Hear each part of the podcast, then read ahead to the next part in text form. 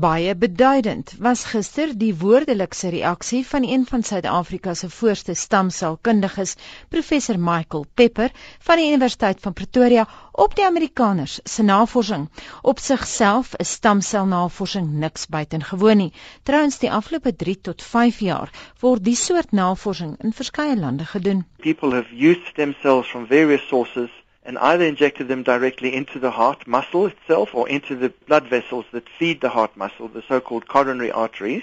And they found that by giving stem cells by either route, that you can in fact improve cardiac function over and above what you would have seen had somebody not been treated with stem cells.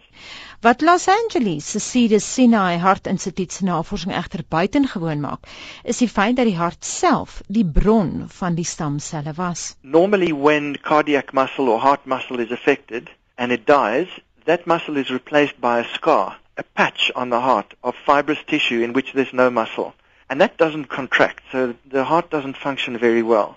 And what this group have done is to give stem cells to the patient and they found that the size of the scar at the end of the heart attack and the whole healing process is smaller than it would have been had they not given stem cells. En die fisiese bewyse is nie net sigbaar nie, maar meetbaar. Die Amerikaners se stamselbehandeling het die grootte van die geskende hartspier se letsel verminder van 24 tot net 12% van die hart. En dis alles te danke aan die wondere van die liggaam wat sy eie stamselle kan gebruik om homself te heel met 'n bietjie hulp van moderne mediese tegnologie. Maar wat is 'n stamsel dan nou eintlik? Professor Pepper sê die maklikste visuele voorbeeld is 'n bevrugte eiersel, die vroegste stamsel. It doesn't have an identity, but it has the ability through a variety of cues that it senses from its environment to become many different cell types. These stem cells are there to repair damaged tissues. And what people are trying to do now is to exploit these remarkable properties of stem cells for therapeutic purposes. We call this cell-based therapy as opposed to using pharmacological agents or surgery. Maar saam met entoesiasme oor stamselgebaseerde terapie, kom daar 'n streng waarskuwing van professor Michael Pepper se kant af. The problem is that in many of these situations there is no clear evidence that the treatment is going to work. A lot of people get drawn into these situations and the aspirations that they go into is then severely undermined when they realize that the treatment that they're receiving is making no benefit. They end up spending huge amounts of money on this with not even the faintest guarantee that this is going to work.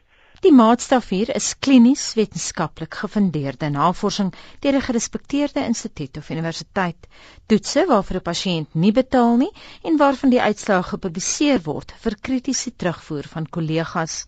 By die Universiteit van Pretoria is daar tans ook verskeie planne om die helende krag van stamselle klinies te beproef. There is some research that involves using stem cells in less conventional settings For example, a clinical trial which we're about to start at the University of Pretoria, also in the heart, and we're also looking at starting clinical trials for arthritis and for several variants of bone marrow transplantation.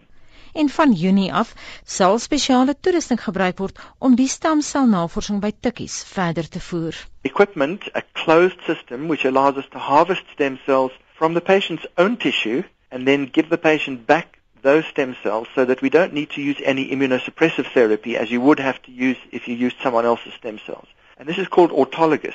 So we give these stem cells back to the patient and we're just in the process of getting through all the paperwork at the moment, but this is probably likely to start towards the middle of the year.